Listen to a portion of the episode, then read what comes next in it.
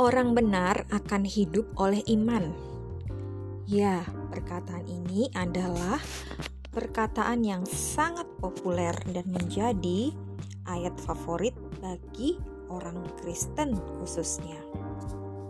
Tetapi ayat ini sering sekali disalah mengerti. Bahwasanya kita akan diselamatkan oleh karena iman kita semata. Dengan menyalahartikan apa itu iman.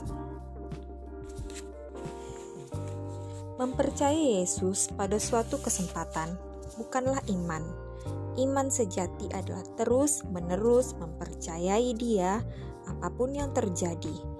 Inilah mengapa kita membaca dalam Injil, orang yang bertekun sampai ke akhir akan diselamatkan. Kilas balik ketika bangsa Israel dijajah oleh Babilonia atau Babel, ada banyak orang yang kehilangan iman akan Tuhan karena percaya bahwa Tuhan telah menolak mereka.